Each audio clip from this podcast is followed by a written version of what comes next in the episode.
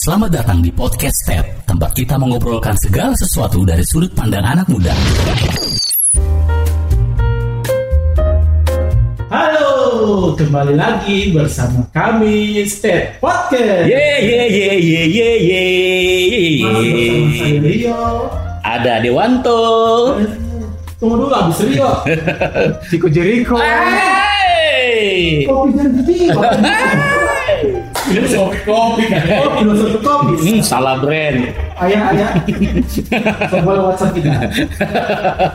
Jadi ya, selama ini kan kita punya episode podcast ini cuma kita kita terus Iya. kita terus saja. Hampir tiga episode itu membicarakan soal torang saja. Hmm, orang bilang, "Bu, bosan-bosan di pandangan sampai suara." Hmm. Nah, sekarang ini kita kita mengundang bintang tamu yang fresh. Untuk ya. pertama kalinya, jadi beliau Iya. ini kita kita kasih sebuah keistimewaan. Beliau inilah yang jadi figur pertama sebagai bintang tamu yang hadir di eh, podcast Tab. Saking figurnya ini di- Penting sekali. penting sekali di antara kita orang ini. Beliau ini, wah tiada tanding tanpa banding. Nih, nih, dari awal kemunculan step pun beliau ini punya kontribusi besar dalam kita. Iya, tapi sudah lagi ah, sejarahnya sudah.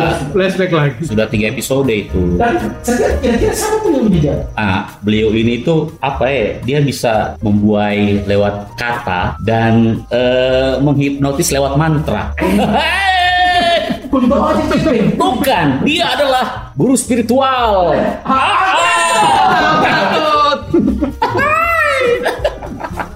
eh langsung saja kita kenalan sama beliau. Halo Neni. Ais. Susah. Susah. Susah. gitu saja. Eh, kalau istilah zaman dulu itu laka-laka deh. Hai, iya iya iya iya iya. iya. Neni Muhyiddin sudah hadir di eh, Step Lounge malam hari ini. Oh, berarti masih step launch ya? Belum Masih di Step Lounge. Oh, Makanya ini kan eh, lagu-lagunya background pianis di cafe ini kan sangat romantis sekali. Tuh. sesuai dengan hal yang pengen kita eh, obrolkan malam hari ini ke hadirat hadirat hadirat hadirat ke ruang dengarnya steppers. Tiada lain tiada bukan soal puisi nih nen. Orang ini ya kalau saya suka puisi mungkin setelah nonton film ada apa dengan cinta yang pertama. 2000 berapa itu ya? 2002 stop. Iya, zaman SMA itu Iya, 2002 ya? Iya. Iya, 2002. karena itu eh, lumayan banyak lah puisi-puisi cinta di situ kan yang dibaca sama Rangga. Kalau kamu orang bersentuhan pertama atau jatuh cinta dengan puisi-puisi cinta itu Oh, bersentuhan pertama. Puisi cinta tidak juga sih. Oh, ja, puisi bersentuhan pertama SD. SD. Puisi. Oh. Eh, bukan puisi cinta ya. hmm, puisi yang Iya, puisi umum. umum. Kalau Pais Kalau saya dari SD juga. SD juga Dulu kan malah dulu pernah saya kumpul- ikut lomba puisi. bukan kumpul-kumpulkan Tugas. puisi Oh, dari majalah Bobo. oh di apa clipping? Iya. Oh iya. Iya. kumpul saya gunting-gunting. Anda sudah romantis sejak belia ya. Ah. Pantas latih klepek-klepek kan. Mau dipersunting. Nah kita mau kita mau tanya sama eh, Neni Muhyiddin dulu ini awal eh, persentuhannya dengan puisi sejauh ingatanmu kapan Nen? Eh, SD. SD juga. Eh, USI itu USI itu pernah satu lomba. Usi Sulstiowati. U- bukan. Oh, USI Prameswari. oh, Oh. jelas. Eh, Mamanya saya. Mama saya lom saya ingat sekali lomba baca puisi eh, SD saya SD Inti Lolunam yang di Jalan Kartini itu Hmm. terus eh, USI itu SDN 3 yang di perempatan eh, SMP 1 itu Hmm, hmm, hmm.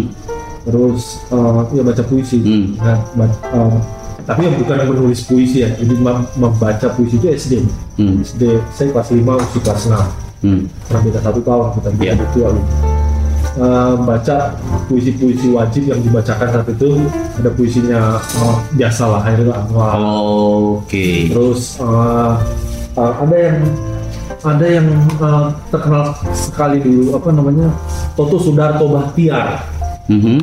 itu uh, penyair era era jauh lebih agak lebih muda dari uh, W.S. Rendra dan apa namanya uh, Sapardi Djoko Damono dan yang lebih dikenal sekarang Hmm. Uh, uh, di uh, mati muda itu apa namanya jadi puisi puisi puisi puisi perjuangan gitu. jadi Hmm. istilahnya dulu puisi perjuangan dan dulu itu bukan istri eh, namanya itu bukan baca puisi, Apa? deklamasi. Oh, istilah jadul kawan-kawan. Kan, jadi bukan baca puisi tapi deklamasi. Hmm. Deklamasi, deklamasi itu karena membacakan puisinya itu sama seperti orang orasi.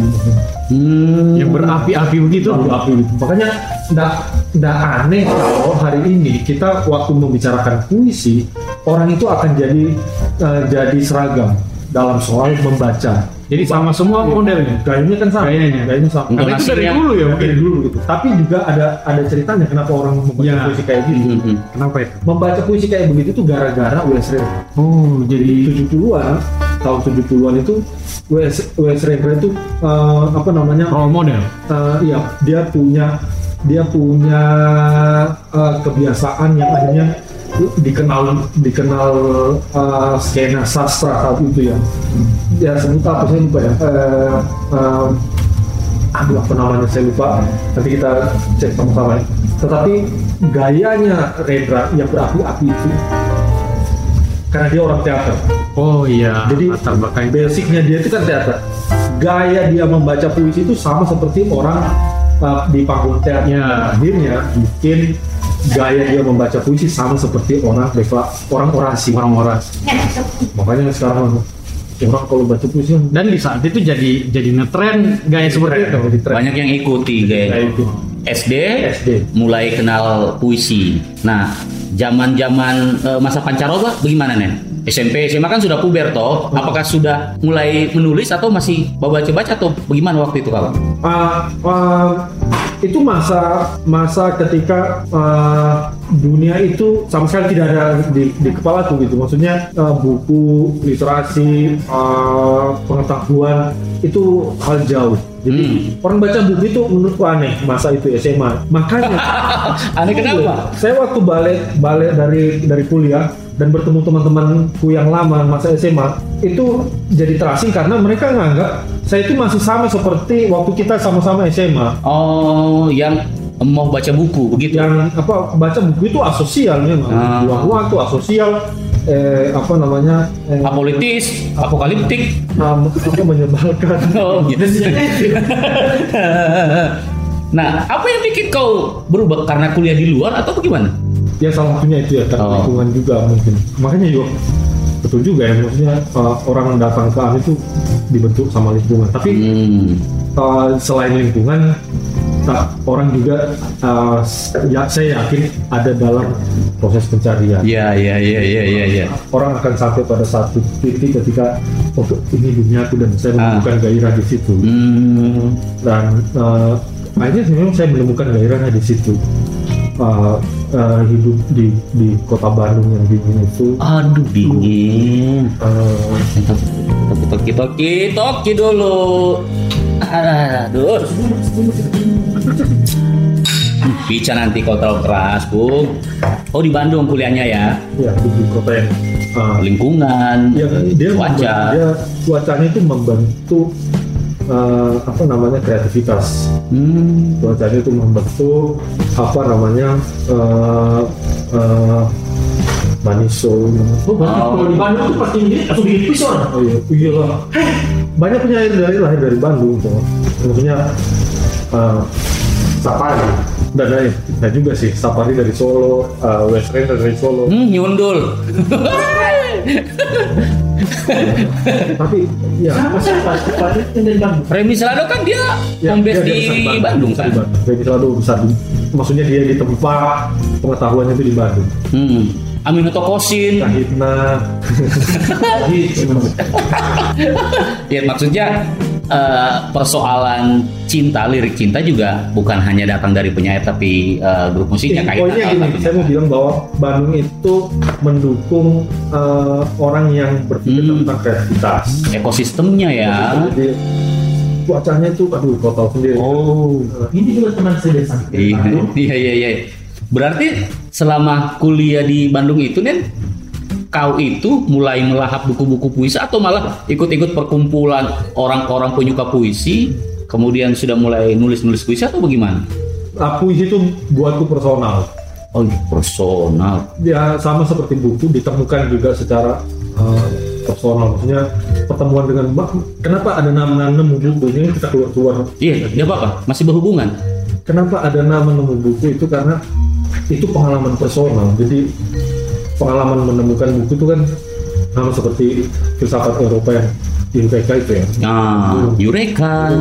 Begitu juga puisi. Hmm. Puisi itu menurutku, oke, saya memang um, masa SD saya pernah saya pernah punya pengalaman itu. Sekalipun itu menurutku um, anak kecil begitu ya karena suka-sukaan aja belum belum Hmm. menemukan apa yang disebut gairah Hmm. Ke sini sininya saya tuh punya pengalaman. Nonton WS Rendra baca puisi di gelanggang pemuda Bandung saya saya baru masuk kuliah 96 Hmm. itu nonton Rendra baca puisi di sebelah BIP itu gelanggang pemuda itu. Dia tuh kayak hipnotis orang. Orang itu kan orang itu karismatik sekali Dengan gayanya yang kayak deklamasi itu tadi, masih kayak masih, begitu. masih Hmm. kayak gitu. di usianya yang udah Sudah dia 10 meninggal gitu tahun ya. berapa ya tidak lama dari situ dia meninggal Hmm. dia baca puisi nah, baru ngumpul di gelanggang pemuda itu ter- terkenal dulu sebelah itu nah, dia baca puisi puisi yang dia baca itu puisi lama yang pernah dia baca tahun 7 78 di ITB Hmm. waktu ITB di di NKK BKK itu yang ditutup Hmm. gara-gara Orde Baru film kau pernah nonton yang muda yang muda yang bercinta Sama Yaki Octavia. Oh, Dia itu nonton. puisi-puisi Yang saya nonton yang uncensored, Nen. Tahu? Yang kau nonton apa? dia cium gitu. Ah, iya, iya. Unrated. Unrated. itu dia baca dan dia kayak hipnotis orang dan Di situlah kau menemukan puisi. saya kayak menemukan menemukan yang sesuatu yang lain Hmm. ya jelas itu bukan. Di situ kau menemukan puisi. Oh, makanya saya uh, akhirnya saya saya pernah nulis satu puisi pendek nulis saya nulis gini saya masih ingat ya ada puisi pendek saya tulis gini nah, puisinya gimana? Puisi pendek. Ini ditulis waktu masih di Bandung berarti Nen. masih baru Oke. Itu apa puisi pertama? dan juga sih ada beberapa Oh. puisi yang Terinspirasi dari siapa? Wes Hendra atau dari salah satunya ya kan ada Kirain AWW. di ya kan.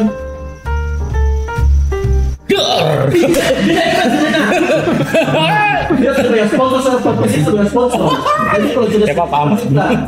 Yang penting dia tidak kena puisi puisi. itu uh, puisi puisi yang saya lagi ingat-ingat itu apa yang puisi pendek sebenarnya tapi saya Coba, coba ingin Nen. ingin ingat ingat Ingat-ingat dulu Nen. dan berharap waktu saya saya uh, saya sam- uh, saya bilang itu tidak salah gitu. Nah, oke, silakan diingat-ingat dulu Tapi Nen. se- sebagai sebagai substansi saya ingin bilang bahwa puisi yang puisi pendek itu menjadi bukan yang ingin saya bilang saya cerita Rendra tadi Hah?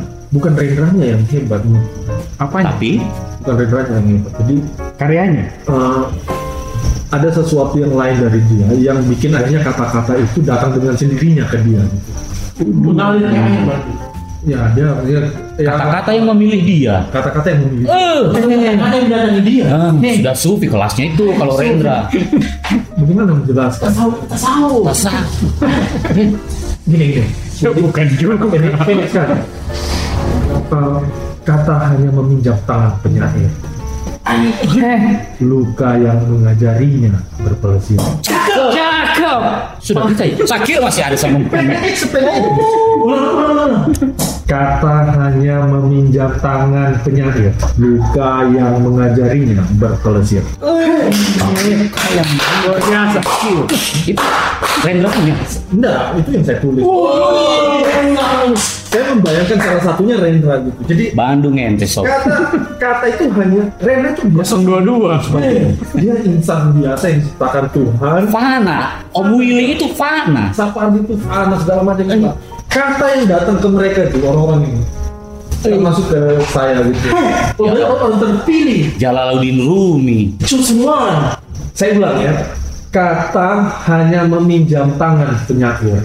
Luka yang mengajarinya berpelesir. Pelesir itu jalan-jalan. Iya, iya, iya, iya. Piknik, piknik. Vakansi, vakansi. Melting. Vakansi yang janggal. nah, kalau eh, sekarang saya coba tanya ulang sama Neni dari dua kata itu gitu. Eh, setelah kau ada di titik yang sekarang, usia kematangan yang sekarang itu, kalau kau refleksikan lagi, terutama kata terakhir itu, luka Yang mengajarinya berpelesir. berpelesir. Bagaimana kau memaknai kata itu sekarang di usia yang sekarang, Nen? ya orang tidak akan menemukan capaian tertentu waktu dia tidak uh, punya pengorbanan itu poinnya Jadi, orang akan ada di capaian tertentu waktu dia punya pengorbanan tertentu Hmm. Orang tidak akan sampai pada satu titik tertentu yang menurut orang berhasil sukses dan seterusnya waktu dia tidak tidak mencapai sesuatu yang lain Hmm. jadi Berarti eh, pengalaman luka itu kan bikin orang jadi lebih kuat lebih Ya. jadi lebih terbentuk gitu. persis idiom kata luka itu kan bikin orang jadi lebih matang lebih Ya, ya, ya. Berarti ada eh istilahnya itu apa ya? Ada iklan kayak tidak belajar kalau tidak kotor. Kira-kira kayak gitu ya, bisa ya, bisa ya. Insert. Iya. WhatsApp kita. Iya, iya.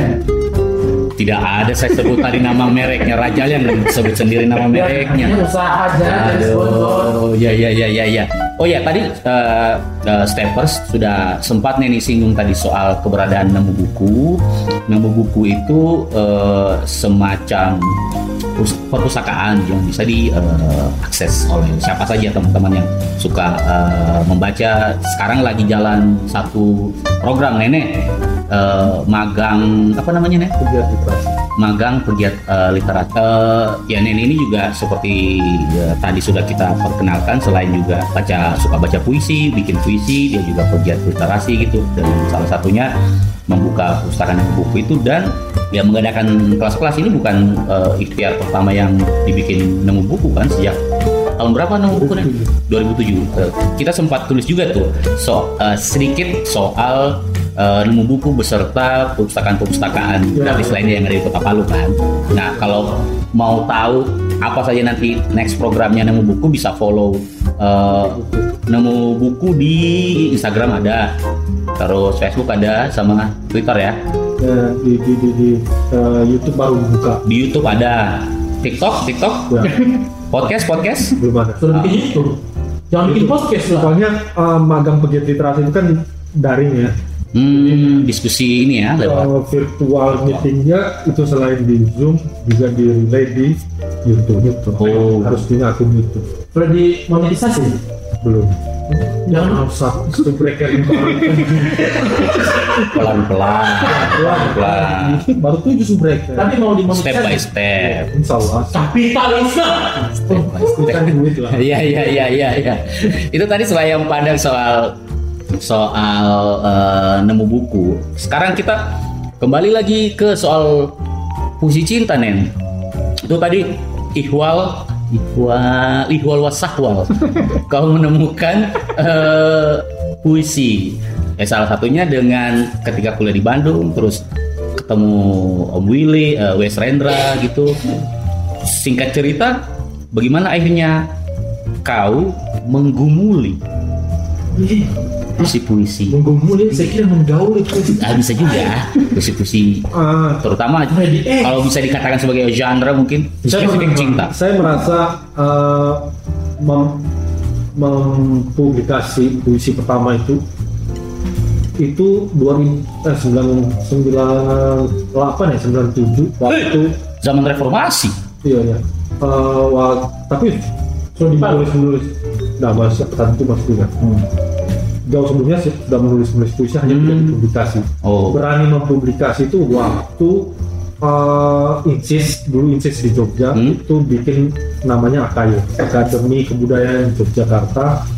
Uh, terus mereka bikin terbitan namanya On Off jurnal sastra dan menerbitkan saat dua kumpulan buku puisi. Judulnya itu unik. Dian Sastro for President. Oh. jadi saat itu uh, Berarti sudah 2000-an itu, Nen. 2000-an Sudah ada Dian Sastro. Ya, Dian Sastro for Presiden itu uh, setelah, setelah booming film itu kan, Hmm, uh, Apa kan. dengan cinta.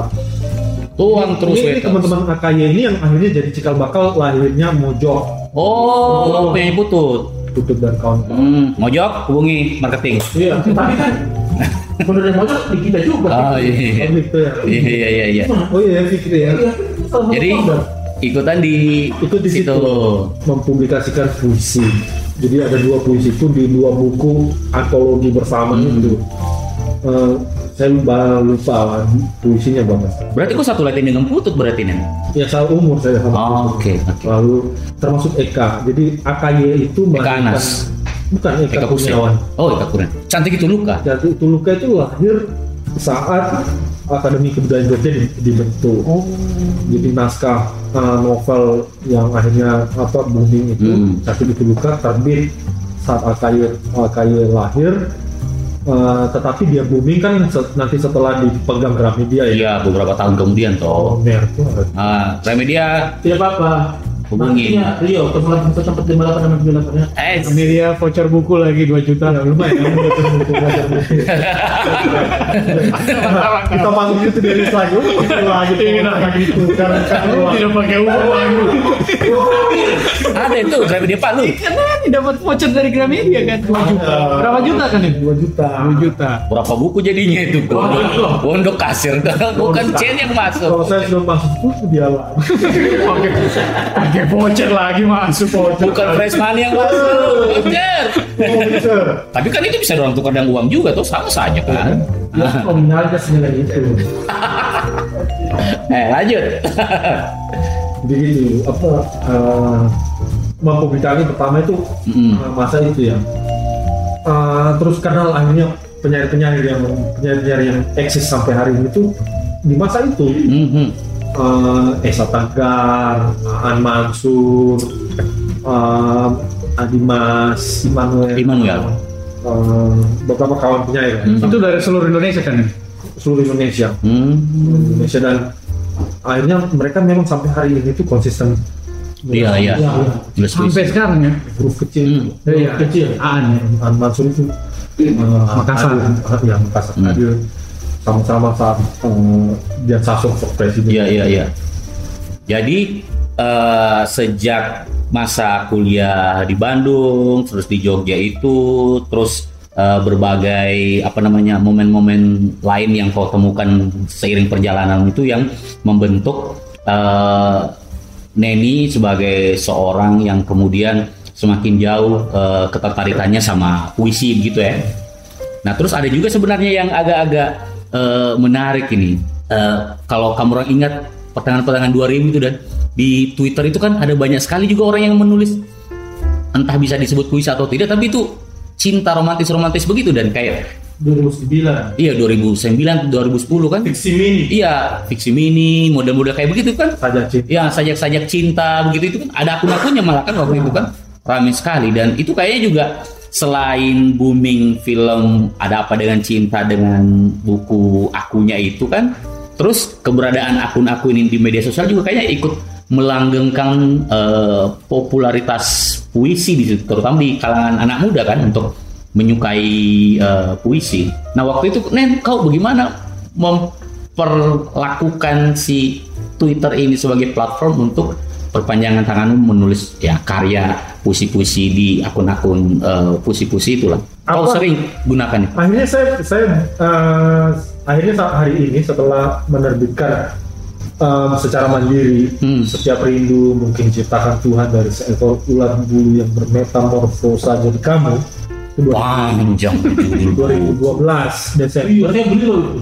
Saya juga beli. setelah terbit itu lalu saya memikirkan bahwa akhirnya media sosial hari ini bikin saya itu nulis saya itu bisa nulis buku sebenarnya setiap hari artinya Hmm. puisi-puisi puisi-puisi yang saya tulis di dan menyebar di semua akun media sosial yang saya kelola itu itu buku puisi menurutku entah saya tulis di Facebook di Instagram buat kekasihku di Surabaya itu Iya. Eh, dia ditanya.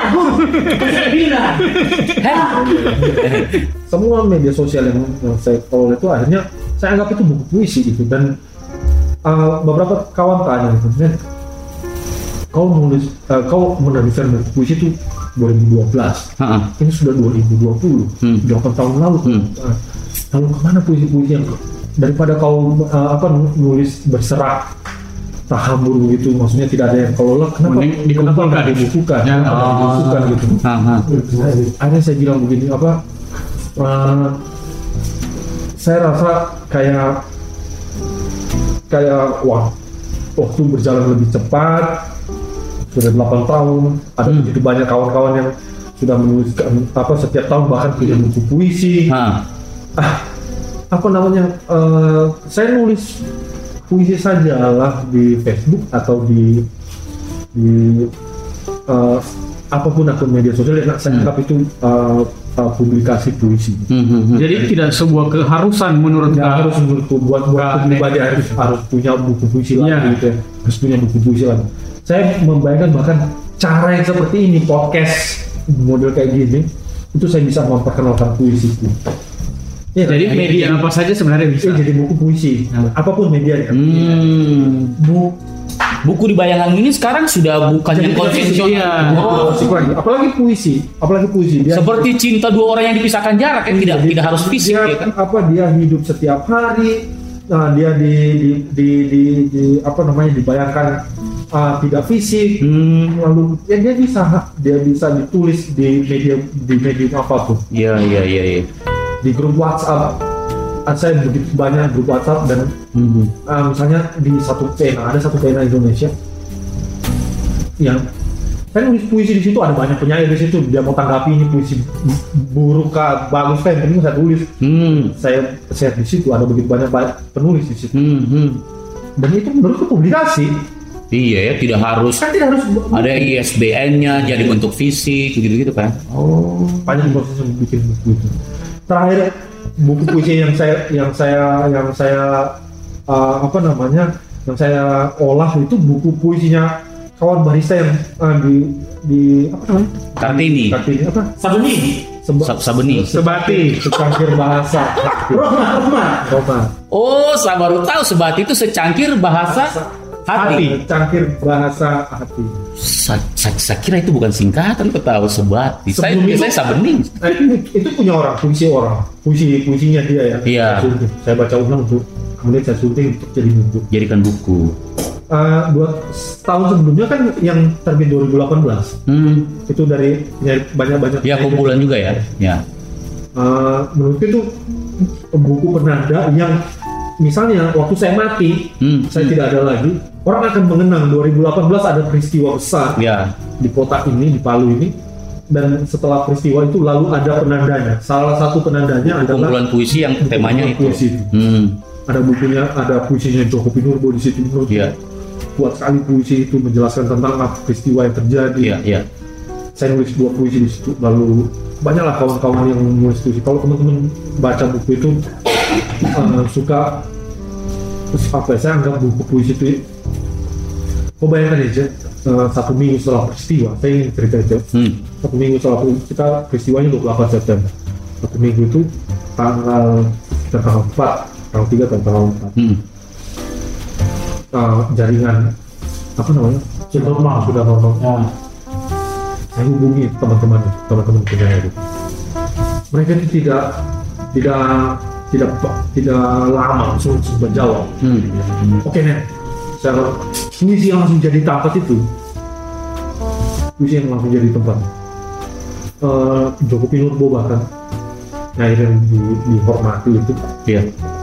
itu langsung nulis puisi dan eh, langsung kirim ke saya malam itu juga tanggal tanggal tujuh tanggal lima atau tanggal Hmm. enam Hmm. kamu itu puisi itu puisi waktu saya baca air mataku itu keluar terus maksudnya kapan pun saya baca saya Hmm.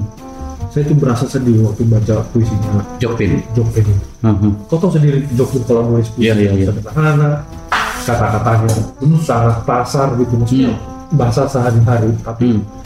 apa namanya kuat sekali gitu ya Eh, jadi eh, eh, sampai eh, beberapa kawan saya dan mereka oke langsung Hmm.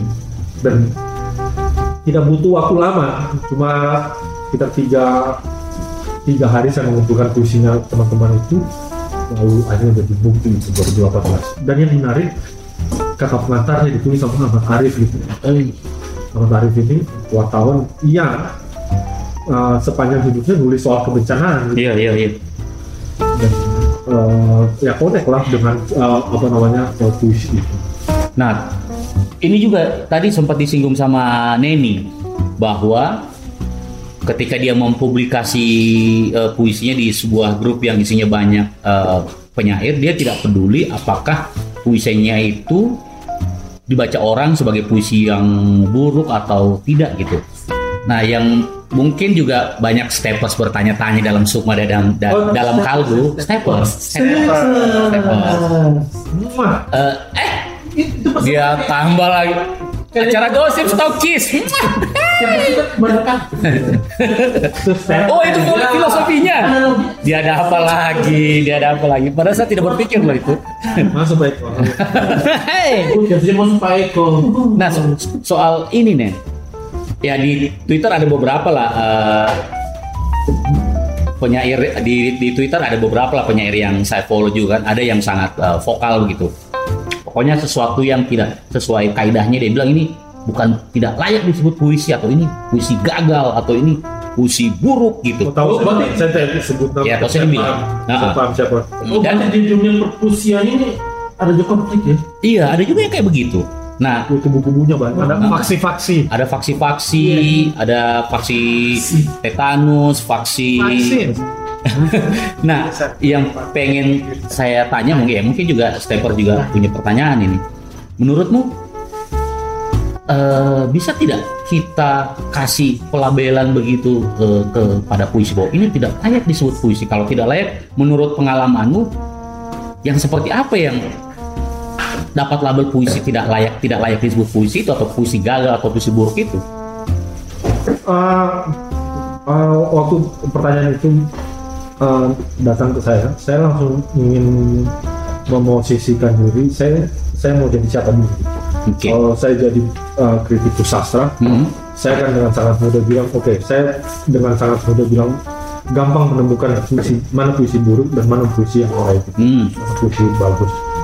Tetapi waktu saya uh, di di posisi uh, penyair sebagai Hmm. penyair, saya akan bilang bahwa semua puisi itu baik. Semua puisi itu, semua puisi itu, semua puisi itu harusnya diapresiasi. Hmm. Jadi um, membedakan antara menjadi kritikus sastra dengan Iya. menjadi sastrawan itu dua hal yang berbeda. gitu. Oke. Tergantung sudut pandang ya. Kau ingin jadi siapa? Nah. Kau ingin jadi siapa? Kalau kau ingin jadi uh, sastrawan, kau ingin jadi penyair, semua puisi yang lahir itu adalah baik. Hmm. Tergantung konteksnya. Kau Belum dibuka tutupnya Pak. Konteksnya ada di mana. Tetapi waktu kau jadi kritikus, Ah, kau harus dengan oh, sangat objektif untuk bilang bahwa ini puisi buruk, ini puisi baik. karena di balik apa namanya judgmentalnya dia itu ada kaidah-kaidah, ada keilmuannya yang dia pakai toh. Ya pasti. Mm-mm, Makanya berdasarkan itu dia bisa bilang, oh ini Dia bisa menilai. ah, ah, belum memenuhi syarat gitu-gitu kan. Tapi kalau kau sebagai prinsip ada penyairnya, ada indikatornya mungkin. ya ada indikatornya karena ada ininya kan. Ini banyak hal lah, maksudnya ya Bung, kita baca hal belum misalnya. Hmm, Uh, puisi itu selalu punya konteks. ya, Waktu dia punya konteks, kau akan bisa uh, menelisik atau memeriksa kenapa dia nulis uh, puisi ini gitu. ya, Pasti ada latar belakang, ya. pasti ada pasti ada yang memicu, Hmm, ada yang melatari. Nah, waktu waktu kita punya analisa seperti itu, kita jadi kurator, Hmm. kita jadi kritikus. Dan waktu kita jadi kritikus, kita akan bilang puisi ini buruk atau puisi ini bagus. Tapi waktu kita jadi penyairnya, hmm, kita akan bilang, eh, semua puisi, Semua puisi itu baik. Semua ini puisi. Ada bahkan puisi misalnya ditulis hanya dia membayangkan puisi ini ditulis hanya untuk satu orang. Seperti yang tadi dilakukan. Iya, dia, dia membayangkan kekasihnya misalnya. Eh, terserah orang bilang ini jelek, Tunggu dulu. Terus banyak orang. Ini saya diri pribadi. Ini kan ini pengalaman pribadi berarti. Ya kurang lebih. Eh, Tahan, Pak. Eh. Nen, seberapa banyak pengalaman pribadimu itu yang kau tumpahkan jadi puisi? Itu buku setiap rindu menciptakan Tuhan dari saya Karolot dulu yang bermetamorfose jadi kami. Itu kau bayangkan, kau bayangkan jarak Palu Surabaya itu jauh kan? oh sudah set dengan Sidoski. Oh, Itu saya foto ya. saya kira dari sama yang di Ampana itu. puisi itu. Eh, siapa lagi? Eh, puisi itu dibawakan bersama Payung Teduh di panggung Palau Creative Fest 2000 2012 Desember. Desember. Oh, Payung iya, itu iya. Iya, iya, iya. haji. Ada videonya direkam Om Ah, di YouTube itu. Iya, iya, iya, betul, betul. Oh, itu semuanya pure dari pengalaman pribadimu Ya selalu itu? penyair itu selalu punya dunia sendiri dan dunia sendiri yang dia bayangkan dia bayangkan dalam puisinya itu selalu punya latar pada itu. Oh, punya oke. Berangkat dari tidak mungkin dia bilang misalnya dia iya. dia selalu punya gambaran. Jadi waktu ada temanmu mulai jadi baper dengan nulis puisi tentang seseorang, Hmm. pasti ada yang melatari itu dan kau bisa Iya. baca, kau bisa tanya siapa Hmm, orang. Oke, oke, oke, oke, oke. Jadi ini salah satu juga yang mungkin steppers bisa ambil dari obrolan dengan Neni tadi bahwa kalau kamu orang mau mulai menulis atau coba-coba tulis puisi, tulis aja dulu yang penting toh. Tak usah takut orang bilang ah Iya, tidak bagus, pantas disebut ini sebagai puisi. Sampah. Jangan pusing orang. Iya. Soalnya banyak sekali yang endo sekarang, Pusing zaman perasaan. sekarang. Kau harus pusing sama perasaan. Jangan pusing perasaan orang. Ah. Pusing dengan perasaan ini yang susah kadang-kadang nanti ada obatnya. Kenapa susah? Susah bro, pusing dengan perasaan ini. kalau pusing kepala ada obatnya, kalau pusing dengan perasaan, siapa yang bisa mengobati? Tapi kalau kalau penulis-penulis sekarang kan ada yang maksudnya eh, yang milenial-milenial ini ada ketertarikannya ke menulis puisi yang sepanjang Kaneni dia Ya, regenerasinya khusus di, di Palu misalnya, yang Palu. kau sering bersentuhan. Kau kan sering juga bikin apa? eh, Malam nulis. ya apa malam malam puisi? Puisi Jumat. Malam puisi. Malam puisi. Uh, kawan Rohmat yang Rambarista itu itu salah satu alma maternya uh, apa namanya jebolannya malam puisi. Oh, Jadi dia bahkan lebih lebih dulu mencintai puisi daripada kopi yang sekarang dia urusi Hmm, di, di, di, di Sebati itu. Jadi dia jatuh cinta pertamanya itu bukan kopi, jatuh Puisi cinta pertama dulu. pada puisi. puisi yang kemudian mengantar dia bertemu dengan kopi. Kopi. Ah, Akhirnya jadi kopi puisi uh, kopi dalam banyak ragam puisi itu. ah. Menu-menunya dia dia susun berdasarkan puisi dan seterusnya. Ya, ya, ya, ya. Berarti kalau lihat regenerasinya ada cukup oke ya. Sekarang ini. banyak banyak kawan. Banyak. Oh. Kita bisa lihat di Twitter lah apa namanya teman-teman teman-teman apa namanya uh, Instagram itu Hmm. uh, meng- Oh mengekspresikan iya, di foto senja, habis itu captionnya semacam itu puisi. kayak Firsa Besari Firsa Ya. Besari, kayak kayak gitu. uh, bikin caption, uh, bikin apa pun yang yang yang, yang soal apa namanya yang mungkin dia tidak sebut itu puisi ya Ah, tapi dia bisa jadi puisi menurutku dia Iya, iya. dia layak jadi puisi kayak Firsa Besari Ah. memang berangkat dari situ juga dari Twitter potongan-potongan ya, potongan-potongan saja kecil pendek apa iya, apa eh siapa Situr Situmorang dia bikin bulan di atas kuburan. cuma Sudah. sepanggal sepanggal itu dan dia Siapa yang mau bantai itu bukan puisi? dan dia bilang itu puisi Hah? Siapa yang mau bantai itu bukan puisi. Jadi eh, begitu saja. Makanya tidak usah takut eh, orang judge ini bukan puisi tidak layak disebut jelek. Ini puisi yang gagal, gagal total. Gatot. Gatot. Ah, Gatot Azrax. Tulis saja. kehilangan konteks ya Pak, coba kami dikasih dulu kita puisi. Ah. Coba kita kita baca. Sekaligus untuk menutup ya sesi episode ini, eh, Steppers. Oke, jadi penutupnya puisi dari Bapak Mei Muni. untuk me- menggalaukan Untuk menggalaukan suasana. oke Kapan pun Saya- kalian dengar podcast ini. saya ingin baca puisi pendek uh, puisi pendek ya tapi uh, saya ingin memper- memperkenalkan satu nama waktu kita cuma kenal WIB waktu Indonesia Barat Hmm. WI WITA waktu Indonesia Tengah dan Hmm. WIT waktu Indonesia Tengah eh, Indonesia Timur. WIT. Ah. ada waktu Indonesia Baru kan Ai, bikinannya Neni ini. WIK Ai, waktu Indonesia Kau oke, silent please. Waktu Indonesia kau, aku selalu ingin mendahului waktu berdetak bersamamu dan semua angka di jam adalah kita. Terima kasih sudah mendengarkan podcast Feb. Sampai jumpa di episode berikutnya.